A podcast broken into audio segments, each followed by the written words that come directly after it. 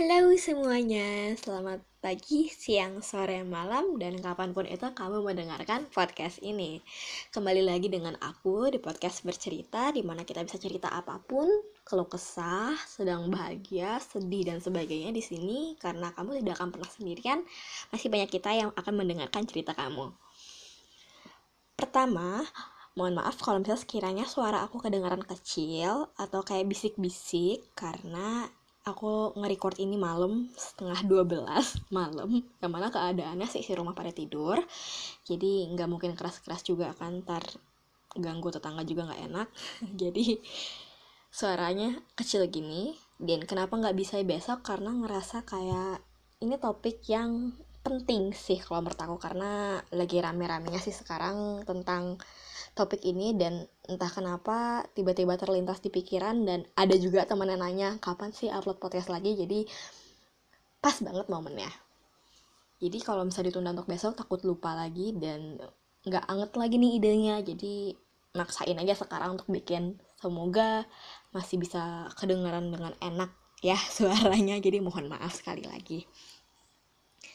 Oke, okay, topik yang akan dibahas sekarang yaitu adalah self love bagaimana kita bisa mencintai diri kita sendiri sehingga nantinya orang bisa mencintai kita. Karena kalau bukan kita yang mencintai diri kita sendiri siapa lagi? Ini ini ini tuh siapa sih yang bikin kata-kata itu pertama kali? Iklan apa sih? Pokoknya ada tuh iklan. Kalau bukan kita siapa lagi? Eh tahu deh iklan atau apa. Pokoknya ada tuh yang kayak gituan duluan. Inget kan? Tahu kan? Terus akhirnya dipakai ini ke mana-mana. Nah contohnya juga tadi sebenarnya kalau misalnya nggak kita mencintai diri kita siapa lagi? Ya ada kok orang lain yang mencintai kita juga. Nggak eh cinta di sini nggak harus ini ya nggak harus cinta love kepada pasangan karena cinta kepada temannya juga nggak apa-apa. Maksudnya kayak kita sayang ke teman kita cinta ke teman kita sayang ke orang tua kita cinta ke orang tua. So that's okay. Jadi nggak harus ke pasangan juga. Nah uh, masalah umum sekarang adalah banyak Eh, kata-kata uh, yang kadang tidak pantas ditujukan kepada orang lain yang itu cenderung menyerang fisiknya. Dalam artian uh, mengata-ngatai orang lain karena keadaan fisik yang mereka punya. Uh, rasanya itu kurang bijak ya. Sangat tidak bijak malah mengatakan orang lain demikian karena setiap orang mempunyai kelebihan dan kekurangannya masing-masing. Sekiranya kekurangannya adalah hal fisik menurut sebagian orang belum tentu hal lain itu berdampak buruk juga bagi dia. Siapa tahu dia mempunyai kelebihan lain suaranya bagus jadi bisa nyanyi dan dia gambarnya bagus jadi lukisannya jadi keren bisa dijual di mana-mana. Dan hanya sebuah tampilan fisik akhirnya membuat semua orang tanpa pikir panjang seenaknya untuk mengatai. Kan nggak bijak ya rasanya dan itu percaya atau tidak akibatnya bisa berdampak buruk sama si orang-orang yang kita katain itu. Bisa membuat dia nggak percaya diri dan bisa lagi ke hal yang lebih buruknya. Kayak nggak perlu disebut juga lebih buruk itu apa yang pasti teman-teman pada paham hal yang lebih buruk itu apa.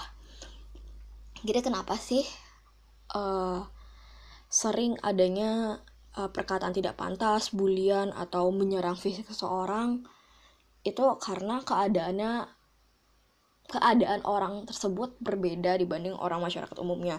Contoh, keadaan orang yang kulit hitam dianggap itu berbeda. Bukan suatu hal yang wajar, bukan suatu hal yang umum. Sehingga bagi ada orang punya kulit hitam itu dianggap berbeda dan dianggap uh, itu bukan golongan kami. Dan akhirnya memberikan kadang kewenangan kepada seseorang untuk berlaku seenaknya padahal kewenangan itu sebenarnya tidak ada. Jadi dia membuat kewenangan sendiri untuk oh iya mereka berbeda so nggak apa-apa. Ngata-ngatain dia juga nggak apa-apa kan kita beda. Mereka nggak pantas di sini. Nah hak-hak yang tidak diatur dan dibuat sedemikian rupa sedemikian rupa oleh seseorang inilah yang akhirnya bisa berdampak luas dan bisa membuat seseorang itu merasa minder sama dirinya merasa nggak percaya diri dan merasa kayak nggak menarik lagi gitu loh. Dan akhirnya apa mereka tidak mencintai diri mereka dan mereka nggak ya gitulah pokoknya. Mereka tuh merasa sangat-sangat-sangat tidak nyaman dengan keadaan yang ada dan mereka berpikir untuk apa mereka mencintai dirinya sedangkan orang lain tidak mencintai itu. Terlalu banyak masalah yang mereka hadapi ditambah lagi dengan masalah kata-kata dari orang-orang lain yang menyerang mereka apakah yang menyerang itu tidak punya kekurangan enggak semua manusia punya kekurangan kalau misalnya manusia itu nggak punya kekurangan itu bukan manusia ya manusia diciptakan dengan kelebihan dan kekurangannya masing-masing sesuai porsi yang diberikan Tuhan kepadanya. Jadi ketika kita menyerang kekurangan orang, bukan berarti itu menutupi kekurangan kita. Seakan-akan menginjak orang membuat kita menjadi lebih tinggi. Kayaknya terlalu terlalu sederhana pemikiran demikian untuk membuat seakan-akan dari kita lebih tinggi dari orang. Nggak ada suatu ras atau suatu keadaan fisik tertentu yang berhak menganggap mereka lebih sempurna dibanding orang lain. Enggak itu tidak itu tidak sangat sangat, sangat tidak dibenarkan. Dan ini sisi dari yang mengata-ngatai ya kalau misalnya sisi yang uh, dikata-katai dalam hal ini ya mungkin kita nggak tahu. Mungkin dari awal dia udah merasa tidak dia udah merasa tidak nyaman juga dengan keadaan dirinya. Jadi ya ketika dikata-katain pun menjadi lebih berat lagi bebannya. Dan ataupun ketika sebelumnya mereka merasa nyaman dengan diri mereka tapi ketika dikata-katain demikian percaya diri yang sudah lama dibangun itu hilang runtuh gara-gara perkataan segelintir orang uh, mungkin kadang kita seenaknya ya ngomong uh, kan cuma bercanda baper banget sih bercanda itu ada ruang-ruangnya. Jadi kalau misalnya kita bisa bercanda masalah body shaming ini kepada A, belum tentu kita bisa ngebahas ini kepada si B. Misalnya kita ngatakan si A, eh A pendek lu. Terus si A nyantai doang, ha emang, emang gue pendek lah. Bukan berarti kita bisa ngomong itu juga ke si B. Terus kita ngomong si B, eh B pendek lu. Si B nya nangis. Terus kita ngomong, lah baper banget jadi orang si A aja nyantai lah si A sama si B mah beda beda orang orang kembar aja sifatnya bisa beda apalagi orang nggak kembar sama sekali pasti beda banget lah jadi tolong untuk berkata-kata itu di dikendalikan. Jangan saya enaknya ngata-ngatain orang. Dan bagi orang yang dikata-katain ini percayalah kita nggak bisa ngatur apa kata-kata orang tentang kita. Kita nggak bisa ngatur apa yang orang pikirkan tentang kita. Dan kita juga nggak bisa eh udah dong gak usah ngomong kayak gitu lagi. Enggak it's not gonna working itu nggak akan berguna. Jadi ngomong sekarang jangan ngelarang mereka buat sekedar ngomong aja. Maksudnya jangan ngelarang mereka untuk tidak ngomong kayak gitu. Eh gimana sih? Pokoknya jangan pokoknya jangan jangan gini lah. Jangan cuma sekedar eh lu jangan ngomong gitu dong. Nah jangan jangan sekedar gitu karena itu cuma mempannya 5 menit doang. Oh iya deh maaf maaf baperan banget lu. Terus ntar 5 menit kemudian haha iya nih pendek. Nah gitu. Ulang lagi. Lah kita lah ini kan orang berdekatain kok ngulang lagi? Nah kita kan jadi orang-orang yang begitu tuh jadi mungkin kita akan mengubah sudut pandangnya di sini. Kita menjadi orang yang dikata-katain dan kita harus bisa ngendaliin diri kita sendiri. Karena kita nggak bisa nih ngatur kata-kata orang tentang kita. Yang kita bisa lakukan adalah bagaimana kita mengubah pandangan mengubah pola pikir kita terhadap apa kata-kata orang kepada kita. Jadi ketika kita dikatain pendek ya ketika memang udah itulah keadaannya dan akhirnya kita mau nggak mau daripada kita kesel daripada kita marah ya let it be kayak gitu loh. Walaupun kita merasa nggak enak juga tapi kita nggak bisa nggak bisa ngendaliin pikiran si orang itu. Kita emang harus mencintai diri kita sendiri karena ketika kita mencintai diri kita sendiri mau orang ngomong apa ya udah bodoh amat gitu loh. Uh, kalau misalnya orang bilang semua orang sempurna itu ya nggak ada manusia yang sempurna. Bahkan ketika ada orang cantik pinter kaya raya pun kadang bisa minder. Kadang bisa minder dan misalnya tidak percaya diri dan merasa dirinya punya kekurangan dan sebagainya sebagainya apalagi kita kita yang emang kita ngerasa sendiri kita punya kekurangan kayak gitu loh. Saya sering kan kayak ngeliat orang lah dia mah udah cantik udah kaya udah pintar lah. Apalagi sih yang mau dimindarin gak bersyukur banget gitu. sering kan kita ngomong kayak gitu. Atau baca komen lah komen-komen artis pasti ada tuh yang ngomong begituan. Ya mau cantik mau nggak cantik mau pinter mau nggak pinter kalau misalnya mereka tidak cinta dengan diri mereka pasti akan ada tuh rasa-rasa insecure insecure itu pasti akan selalu ada perasaan-perasaan kayak gitu. Nah aku aku adalah seorang seseorang yang mempunyai tinggi badan tuh ya jauh di bawah standar lah pendek lah. Tapi uh, apakah aku uh, bisa ke mana-mana dengan percaya diri? Bisa kok kayak gitu. Padahal kenapa kenapa bisa? Karena aku mengubah semua pandangan-pandangan itu ke aku. Misalnya kayak gini dulu aku tuh kesel banget kesel banget sama orang bilang adek ke aku padahal mereka lebih kecil. Jadi tuh kayak eh ade lucu banget dah. Terus kayak lah anda siapa ngomong-ngomong ade umur beda 2 tahun sana kayak ngomong ade atau baru kenal ih kamu kecil banget sih lucu kayak ade aku. Ah lah dia siapa? Ada dia aja orang gue nggak kenal kayak gitu loh. Terus dia enaknya ngomong kayak gitu kan kan kesel kan tapi makin lama makin lama makin lama kata-kata itu semakin banyak aku dapatkan. Maksudnya dalam hal semakin dewasa orang semakin tambah tinggi dan aku gini-gini doang. Lah ya mau gimana? Aku pasti akan terima kata-kata ini terus. Jadi aku ubah adalah pandangan aku terhadap kata-kata itu.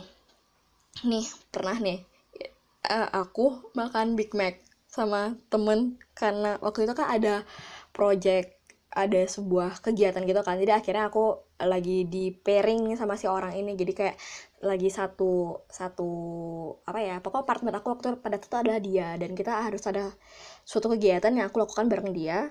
Dan akhirnya uh, kita makan bareng kayak gitu loh. Karena udah capek juga lah makan bareng. Uh, waktu itu makannya di McD nah kan aku pesannya Big Mac nih terus aku tuh kalau makan Big Mac tuh nggak bisa sekali makan. Nggak bisa sekali makan. Jadi tuh uh, yang aku makan Big Mac tuh copot roti atasnya terus makan. Terus uh, baru deh itu aku makan makanin si Big Mac-nya secara utuh. Jadi tuh aku makannya dua tahap. Makan roti atas dulu baru makan sisanya bareng-bareng kayak makan burger pada umumnya. Terus si temen ini nanya lah kok makannya kayak gitu? Terus dengan santai aku ngomong ya iyalah gimana mau makan semua yang nggak muat? Karena mulut aku tuh cuma sekecil hidung. Jadi selebar apa hidung aku? Selebar itulah mulut aku. Jadi tuh buat makan si Big Mac ya susah. Terus uh, kayak gini aku kan sekarang pakai rok ya. Jadi tuh rok aku tuh adalah ya ya susah banget dong nyari rok ukuran aku di mana-mana. Jadi daripada jahit kan itu ribet ya maksudnya uh, beli kainnya terus uh, upah tukang jahitnya terus ya sebagai sebagainya.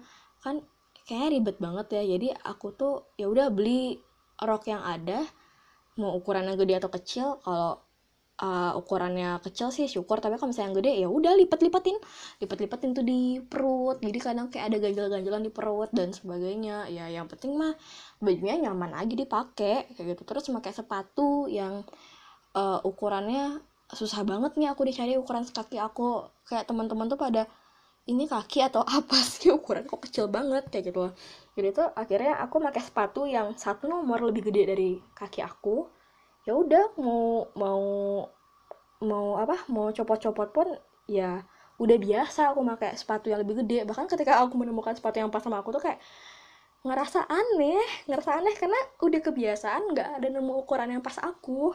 Jadi ketika ada nemu ukuran yang pas malah jadi aneh sendiri. Bahkan ketika aku ke kampus itu aku nyebrang. Aku nyebrang pernah jadi Cinderella loh tahu Cinderella kan? Yang ketika udah jam 00 dia lari terus akhirnya sepatunya ketinggalan di tangga.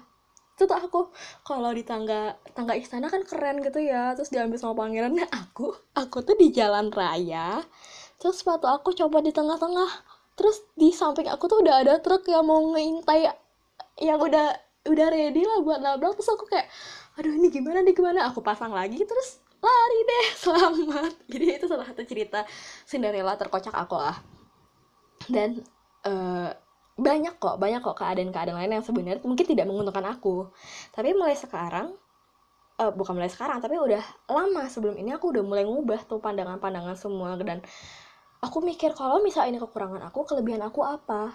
Dan aku menemukan beberapa kelebihan yang aku rasa kayak uh, misalnya gini nggak terlalu optimal juga kelebihannya tapi misal kayak ya uh, adalah gitu loh. Misal untuk nyanyi misal kemampuan nyanyi aku misal kayak 60% terus misalnya untuk nulis kemampuan nulis aku juga 60% jadi kayak ada hal-hal yang aku rasa oh aku bisa tuh di bidang itu walaupun mungkin uh, masih nggak nggak bagus-bagus banget masih belum bisa-bisa banget gitu. Tapi uh, rasanya bisa untuk menutupi kekurangan-kekurangan aku ini. Dan uh, akhirnya aku bisa nerima keadaan aku yang sekarang.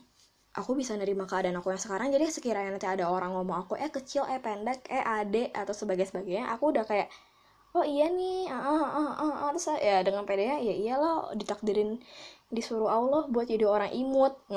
Aku ngomongnya gitu aja. Jadi karena ya kan kalau orang kecil kan biasa kayak imut-imut gemes gitu kan. Ya udah berarti uh, aku diciptakan Tuhan untuk menjadi orang-orang yang imut-imut itu.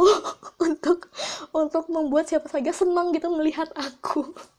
Aduh aduh maafkan nih. Tapi itulah pola pikir aku bentuk sehingga aku nyaman dengan keadaanku sekarang walaupun mungkin banyak kualifikasi kualifikasi pekerjaan yang aku tuh nggak nggak bisa memenuhi itu. Misalnya kayak ada persyaratan tinggi badan tuh aku eh, itu tuh kayak satu hal yang aku hindarin.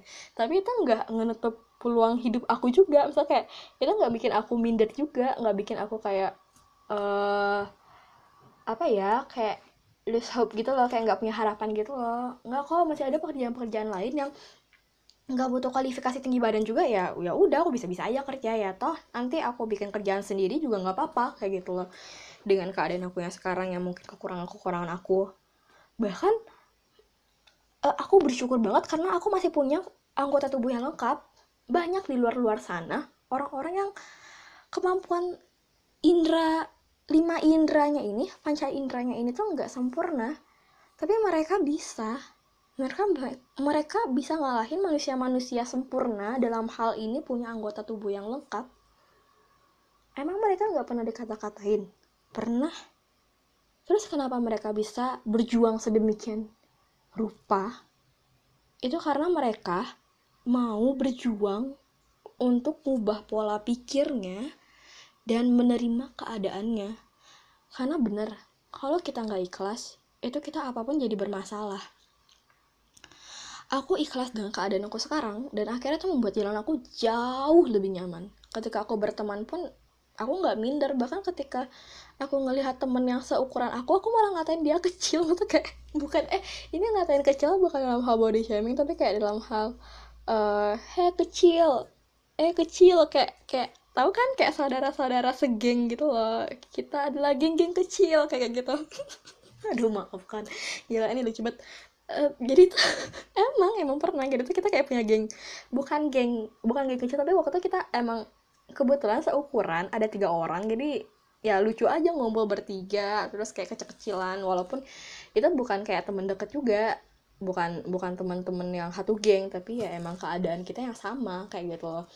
Dan akhirnya ketika kita menerima itu semuanya akan menjadi lebih baik banyak di luar sana orang-orang jauh lebih kurang daripada kita dalam hal anggota tubuhnya.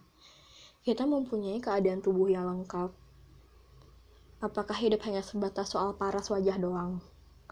Apakah hidup sebatas tinggi badan dan berat badan? Sederhana sekali kalau hidup cuma sebatas itu. Hidup itu mempunyai banyak sekali elemen. Ya itu adalah kayak sekian persen elemen dalam hidup tapi itu nggak berpengaruh yang berpengaruh sebenarnya bagaimana personality kita bagaimana kepribadian kita apakah kita akan disukai oleh banyak orang atau tidak. Jadilah orang-orang yang lebih mementingkan personality dibanding fisik. Karena kalau orang yang jiwanya udah baik itu pasti akan baik kok. Pernah nggak sih ketemu orang yang dia biasa aja tapi tuh hatinya hatinya tuh baik banget bisa bantu semua orang nggak kesel nggak marah terlalu senyum dan itu kayak apa pun keadaan fisiknya tuh akan kalah dengan sifatnya yang kayak gitu. Itu itu itu itu satu hal yang benar-benar penting sekarang. Jadi mm, jangan pernah lah merasa nggak percaya diri dengan diri kita. Self love itu penting. Karena kalau nggak kita yang suka dan sayang sama diri kita itu orang bisa seenaknya nggak sayang juga sama keadaan fisik kita. Tuhan memberikan cobaan yang berbeda-beda bagi tiap hambanya. Mungkin ini adalah keadaan kita. Sekarang diberikan Tuhan bi kalau mau mikir ini cobaan silahkan. Kalau mau mikir ini anugerah silahkan. Karena mau gimana pun Tuhan ngasih ini karena Tuhan tahu kita sanggup ngelewatinnya. Karena Tuhan tahu ada jalan lain yang bisa kita ambil selain eh, hal-hal pemikiran kita yang menganggap ini tuh menghambat. Kayak aku tinggi badan aku yakin Tuhan ngasih jatah pekerjaan ke aku yang nggak ada kaitannya sama tinggi badan. Jadi ya semuanya ada porsinya semuanya ada penempatannya masing-masing. Jangan biarkan kita sendiri yang merusak kecintaan kita terhadap diri kita. Kalau misalnya orang merusak itu, ya ya mereka mereka bukan kita. Mereka melakukan itu untuk membuat diri mereka menjadi lebih tinggi dibanding kita karena mereka merasa bahwa mereka lebih tinggi dari kita. Kalau kita membiarkan itu, berarti kita membiarkan mereka menerima uh, pengakuan secara tidak pantas itu mereka membutuhkan pengakuan dengan cara menjatuhkan orang lain dan itu rasa nggak pantas dan kalau kita membiarkan mereka dengan cara itu ya setidaknya kita mencintai diri kita sendiri lah. Jadi mereka juga nggak serta merta bisa melakukan hal itu kepada kita. Kalau misalnya kita sayang sama diri kita kita bisa ngerawat diri kita ngerawat dalam hal kesehatan. Itu kesehatan penting banget. Gimana kita bisa menjaga diri kita sebaik mungkin karena baik itu mata, telinga, hidung dan bahkan kulit pun itu merupakan pemberian Tuhan kepada kita yang emang harus kita berjaga banget. Kita harus mencintai semua yang ada dalam diri kita. Dan kita harus fokus pada kelebihan yang kita punya. Kalau kita menilai pada kekurangan saja, hidup itu membuat kita jadi depresi kita akan selalu mengatakan bahwa hidup itu tidak adil. Memang hidup tidak adil bagi mereka yang tidak ikhlas, bagi mereka yang tidak bisa menerima keadaan. Mungkin ini terkesan kayak aku jahat banget kali ya, maksudnya kayak aku memaksakan kita-kita yang punya kekurangan untuk lebih menerima. Karena memang kita harus menerima keadaan yang ada dalam diri kita kalau nggak kita siapa lagi? Mulailah kita untuk menerima keadaan kita. Dan kalau misalnya ingin mempercantik itu nggak ada salahnya. Misalnya bagi teman-teman yang ngerasa kayak uh, kulitnya kusam dan ingin membuat lebih cerah ya udah silahkan menggunakan skincare. Atau merasa ada bermasalah dengan gigi yang ingin di, diperbaiki ya udah silahkan dirapikan. Itu kebebasan teman-teman untuk memilih apa yang akan teman-teman lakukan. Selagi itu masih dalam uh, ranah yang benar untuk diri teman-teman sendiri. Dan kalaupun ingin menerima keadaan yang ada terimalah bila tidak ingin merubah itu terimalah karena sesungguhnya kita mempunyai banyak kelebihan yang terabaikan dengan kekurangan-kekurangan kita yang hanya segelintir. Mereka bisa melihat kekurangan kita, tapi mereka nggak tahu kelebihan kita. Jadi tugas kita adalah memunculkan kelebihan-kelebihan itu sehingga mereka merasa tidak pantas untuk menghina kita. Mereka nggak pantas untuk menjelek-jelekan kita. Karena mereka paham di balik keadaan kita yang sering mereka hina itu kita punya kelebihan yang mereka nggak punya. Itu adalah anugerah Tuhan untuk kita. Istilahnya sebagai cara kita untuk bertahan hidup gunakan itu. Ketika kita nggak punya pistol untuk nembak orang gunakanlah pisau untuk bertahan hidup. Itu mungkin cara yang digunakan ketika eh bukan nembak orang gila horror banget. Untuk nembak ini nembak apa? Nembak rusa atau apalah ketika kita berburu atau ketika kita di hutan. Sedang diserbu serbu sekawanan hewan-hewan ya. Ya itulah contoh analoginya. Contoh analoginya. Kalau misalnya kita nggak punya pistol untuk bertahan hidup maka gunakanlah pisau atau kuku jari kita sendiri untuk bertahan hidup. Maksudnya kita selalu punya senjata yang bisa kita gunakan untuk bertahan kita punya senjata yang kita gunakan itu sebagai kelebihan kita untuk melawan apa pun serangan-serangan kata-kata dari orang lain sehingga mereka tahu tentang kebaikan kita. Uh, jadi yang paling penting adalah bagaimana cara kita mencintai diri kita sendiri. Kita tahu nih kelebihan kita apa, kita tahu potensi kita apa, mulai untuk melupakan kekurangan-kekurangan itu. Mulai untuk tidak terlalu memikirkannya karena kata-kata orang itu selalu akan datang kepada kita. Yang perlu kita ubah adalah bagaimana cara kita merespon dan menanggapi itu. Dan hal yang paling penting adalah untuk ikhlas. Dan jangan pernah berburuk sangka kepada Tuhan. Karena Tuhan gak pernah berburuk sangka kepada hambanya. Kenapa kita yang berburuk sangka kepada Tuhan? Kita aja yang gak tahu rencana baiknya itu apa. Kayak kayak temen tuh sering uh, ini apa sih kayak ngata-ngatain kita ketika kita ulang tahun. Terus kita marah kan ini ngapain sih kok kasar banget jadi orang? Ya kita nggak tahu dibaliknya mungkin dia mau kasih surprise. Ulang tahun happy birthday to you terus dikasih iPhone. Kan luar biasa dong.